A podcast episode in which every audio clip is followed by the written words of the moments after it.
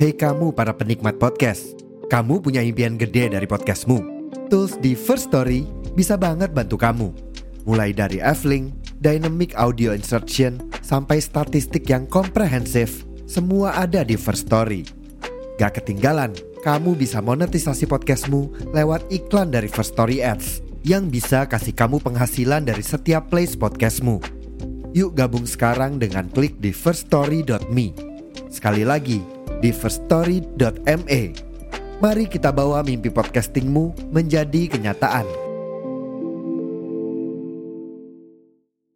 udah tilik sejenak kita tilik ke tilik ya iya yang penting eh, ini ya jadi uang tuh sing solutif ya gitu kan dan ya.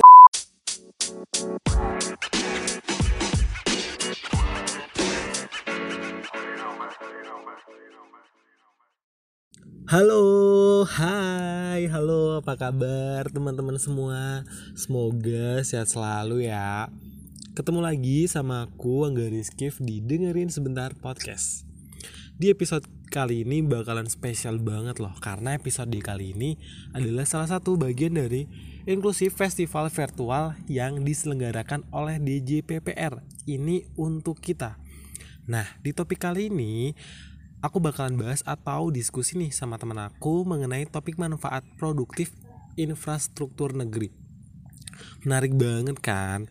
Tapi kalau aku sendiri gak seru ya. Jadi kayak episode-episode aku sebelumnya aku ngajak temen aku buat eh, bahas topik ini biar hmm, makin dalam obrolannya. Aduh. Tapi kalau aku ngenalin sendiri gak seru ya. Biar dia kenalan aja sendiri aja kali ya. Hihi. Hai Mbak Ica. Halo teman-teman. Halo Angga. Eh, aku Rizka Karnia atau biasa teman-teman. Aku manggilnya Ica. Eh, aku pagi-pagi nih diajak diskus sama Angga eh, tentang dia tadi mau ngomongin tentang infrastruktur eh, manfaat in- produktif infrastruktur negeri. Hmm, itu bener itu banget, kayaknya banget. menarik ya.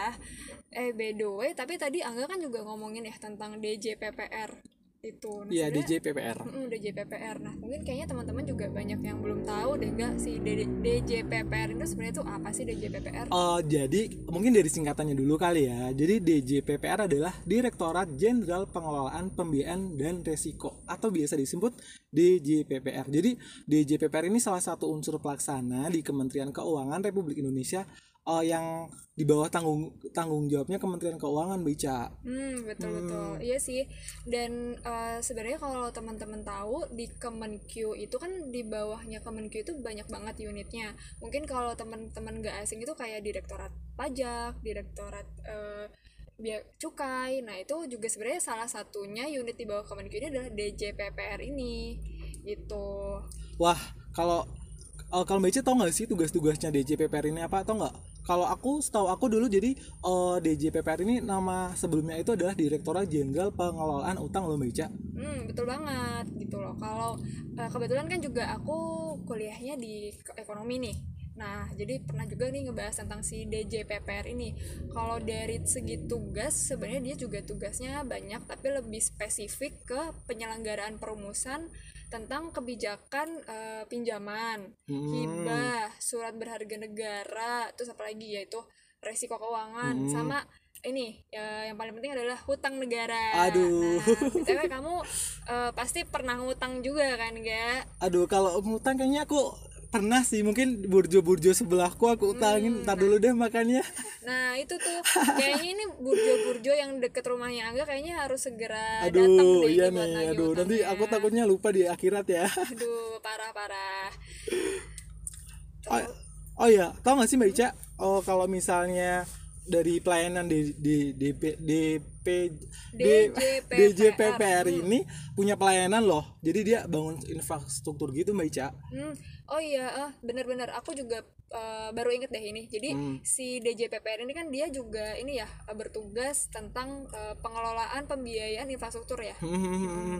Dan itu tuh namanya adalah SB SBSN, Mbak. Jadi SBSN ini adalah uh, sal- atau suku negara ya. Dia adalah salah satu sumber dana APBN untuk pembiayaan proses eh proyek infrastruktur. Kayak teman kita yang kita mau omongin. Hmm gitu, oke.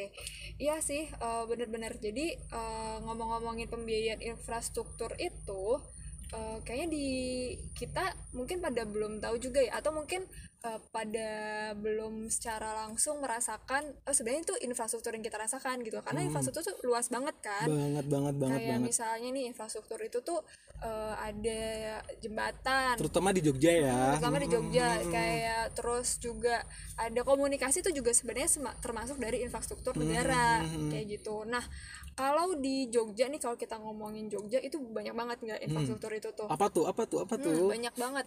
Kayak jembatan jalan. Nah kalau yang lagi hits mungkin kalau teman-teman Jogja tahu ini yang lagi baru banget nih infrastruktur Apa tuh, yang apa baru. itu ada eh, namanya underpass sama bandara di Jogja yang baru gitu bukan Oh. Jogja yang jadi eh, ceritanya di bandara Jogja itu dulu ada namanya Bandara Adi Sucipto Mhm. nah itu dulu emang eh, di situ bandaranya tapi mulai tahun 2019 itu pindahlah ke bandara yang baru ini Iya, Nia ya. Nia, New. York International. Oh, New eh, York New York kita kan di Jogja. Oh iya, salah salah apa apa? New Jakarta Yogyakarta. International Airport. Mhm. itu hits banget nggak dan bahkan itu jadi spot hits gitu loh di Jogja buat datang karena emang eh, Instagramable desainnya- ya. iya Hmm. desainnya itu bagus banget interior desainnya kayak gitu sih Eh, ngomongin eh, underpass itu tau gak sih Meca kalau ternyata underpass-nya ini tuh salah satu sumbernya tuh dari SBN yang SBSN yang kita omongin tadi loh Meca. hmm, gitu Hmm, jadi eh, apa namanya eh, underpass ini terpanjang di Indonesia dengan bentang tuh 1,3 km panjang banget gak wow sih? iya sih dan itu kalau diberdiriin kayaknya Aduh. tingginya setinggi banget ya Monas tuh berapa sih Monas tuh? aduh aku juga Nggak tahu ya? Berapa. Oh, apa namanya? Tau gak sih em, baca kalau underpass ini tuh tujuannya tau gak? Jadi tuh biar akses jalan nasional pantai selatan atau Pansela Jawa tuh bisa menghubungkan antara Purwokerto dan Yogyakarta biar tetap terbuka gitu loh. Biar jadi tuh biar cepet jalannya. Hmm, kalau pulang kampung nih kalau mudik lebih gampang lagi lebih cepat lagi Mm, gitu ya salah satu itunya ya, bener-bener betul, banget. betul.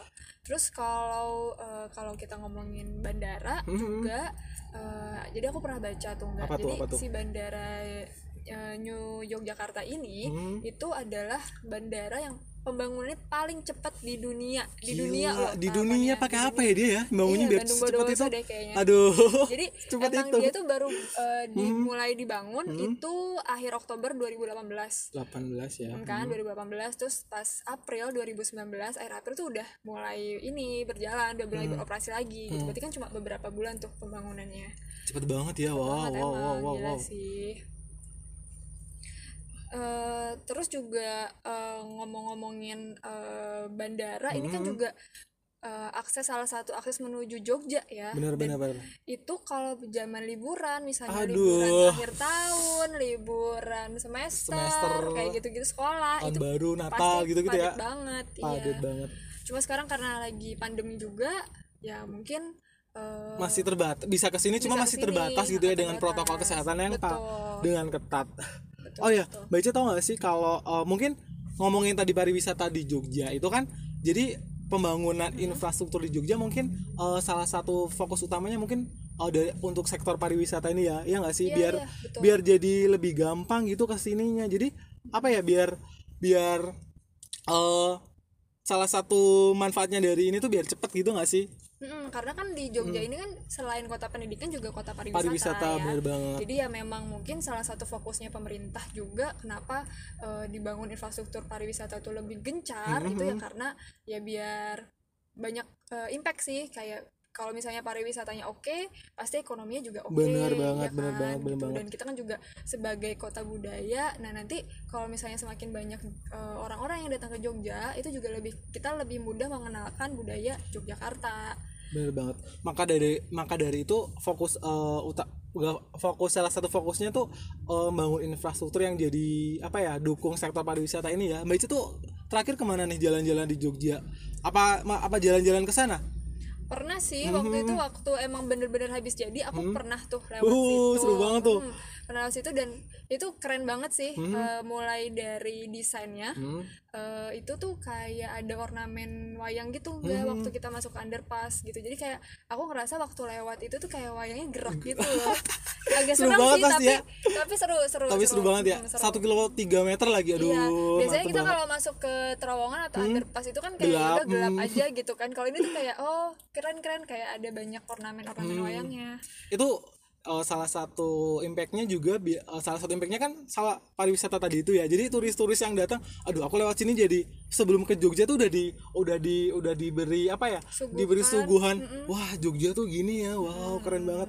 Dan selain itu menurut aku eh dam- apa dampak positifnya untuk masyarakat sekitar yang pembangunan underpass ini pasti ada juga dong Mbak Ica. Ya nggak sih? pasti, salah satunya adalah eh, terbukanya lapangan kerja. Jadi gara-gara dibangunnya infrastruktur ini eh, bandara ini jadi eh, banyak orang yang jadi apa tadinya mungkin belum ada kerjaan terus jadi eh, banyak dari pemerintah sekitar situ jadi yaudah deh sini ayo kita kita bangun eh, underpass kita bareng-bareng di sini. Jadi ah, jadi punya lapangan kerja mereka kayak gitu iya iya itu salah betul, satunya Hmm. betul banget jadi kayak ya pokoknya pasti impactnya adalah nggak cuma di warga sekitar Hmm. di warga sekitar yang underpass ya pasti juga impactnya ke warga Jogja juga ke perekonomian warga Hmm. Jogja itu pasti akan berimpact sih Gitu. salah satunya mungkin lalu lintasnya jadi lancar ya nggak sih kalau Hmm. dari segi transportasi iya jelas karena kan itu namanya juga underpass kan Underpass di Iya, bawah jadi ya. Hmm, emang jalan itu lebih lebih cepat aja daripada emang jalan yang sebelumnya udah ada Iya. gitu udah ramai gitu terus Hmm. terus abis itu kan eh, di sekitar sekitarnya jadi ini ya mungkin orang orang kan orang kan ke Jogja kan pasti butuh hunian ya nggak sih? Butuh hunian hunian dan hunian di Jogja tuh pasti jadi meningkat gak sih gara-gara pari gara-gara eh, orang-orang yang wisatawan tuh datang ke sini ya nggak? Itu juga salah satu manfaat dari eh, terbangunnya infrastruktur ini nggak sih? Iya betul Hmm. betul. Jadi ya sebenarnya impactnya itu banyak banget sih Banyak dari banget, infrastruktur yang udah dibangun pemerintah ke kita. Dan mungkin kita eh, kadang ngerasa kayak eh, secara tidak langsung tuh kayak oh oh kita baru sadar gitu. Oh ternyata ini memang eh, infrastruktur yang diberikan pemerintah dan itu fasilitas yang diberikan pemerintah buat kita sebenarnya. tapi tuh kadang aku tuh sedihnya kadang mungkin banyak orang yang nggak sadar ya ini tuh aduh apaan sih dibuat ini? Padahal itu bisa buat ke depan kita cucu-cucu kita mungkin ya nggak sih? Karena- generasi kita. Iya, s- karena infrastruktur itu kan sifatnya jangka panjang. hmm, bener banget ya bener kan? banget. Jadi nggak cuma jangka pendek aja. Jadi ya memang kita harus ngerawat sih sebagai warga negara ya sebagai masyarakat. Kalau kita diberikan infrastruktur fasilitas ya kita harus rawat biar itu tuh awet gitu. Dan juga mungkin investor-investor bakalan kerjasama sama pem- pemerintah daerah kita buat bangun infrastruktur yang lain juga ya nggak sih Iya, biar Aduh. Jogja ini makin oke juga. Keren. Nggak cuma Jogja sih kalau kita ngomongin Hmm. infrastruktur ya. Di kota-kota lain juga pasti udah saling banyak eh, saling bersaing juga Hmm, ya bener untuk banget. infrastrukturnya gitu. Udah pasti oke-oke lah.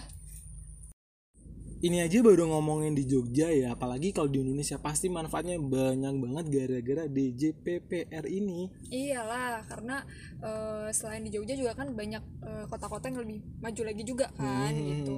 Jadi kita memang eh, infrastruktur ini kayaknya memang lagi digencar-gencarkan ya oleh pemerintah juga. betul banget Nah seru banget ya Mbak Ica Kita udah tilik sejenak Kita udah tilik ke bandara dan underpass Kalau Bu Tejo mungkin sama teman-temannya Tilik ke RS Kita sama Mbak Ica tilik ke infrastruktur yang udah dibangun sama DJPPR ini Keren banget Tilik ya. Iya, yang penting eh, ini ya. Jadi uang tuh sing solutif gitu ya kan dan ya. solutifnya itu adalah salah satunya adalah dari eh, DJPPR ini ya? Iya, Iya nggak betul. sih? Jadi DJPPR ini berarti memang adalah eh, dirjen yang memang solutif ya. sesuai tagline-nya ya berarti. Ini untuk untuk kita ya nggak sih? Jadi ini itu adalah uh, dari pemerintah ya nggak sih? Dan uh, uh, ininya tuh infrastruktur yang dibangun oleh DJPR ini dan kitanya adalah masyarakat yang kena Hmm, betul banget, betul ini banget. aduh Pas banget ya ini untuk kita, ini dari pemerintah, kita dari, eh kita untuk masyarakat. betul banget Betul banget. seru banget ya kita udah tili ke ke bandara kita uh, ngomongin Ke underpass. ke underpass kita ngomongin impactnya buat masyarakat sekitar dan kota Jogja juga Hmm, banget banget seru banget sih. Mungkin nanti nextnya kita akan bahas yang topik-topik yang lain ya. Angga ya, mungkin ya, siap, siap, siap, siap, siap. Mungkin uh, dari aku segitu dulu uh, untuk episode kali ini. Uh, semoga kalian, uh, mas, semoga kalian tetap sehat-sehat terus. Terus semakin kalian sehat, semakin bisa uh, merasakan infrastruktur yang dibangun oleh si DJPR Ya, ini. betul, Iya nggak sih? betul betul banget. Oke, dari aku mungkin segitu dulu. Uh, aku Angga Rizkif Aku Rizka Karnia. Dengerin sebentar, nanti, juga, paham. Bye. Bye.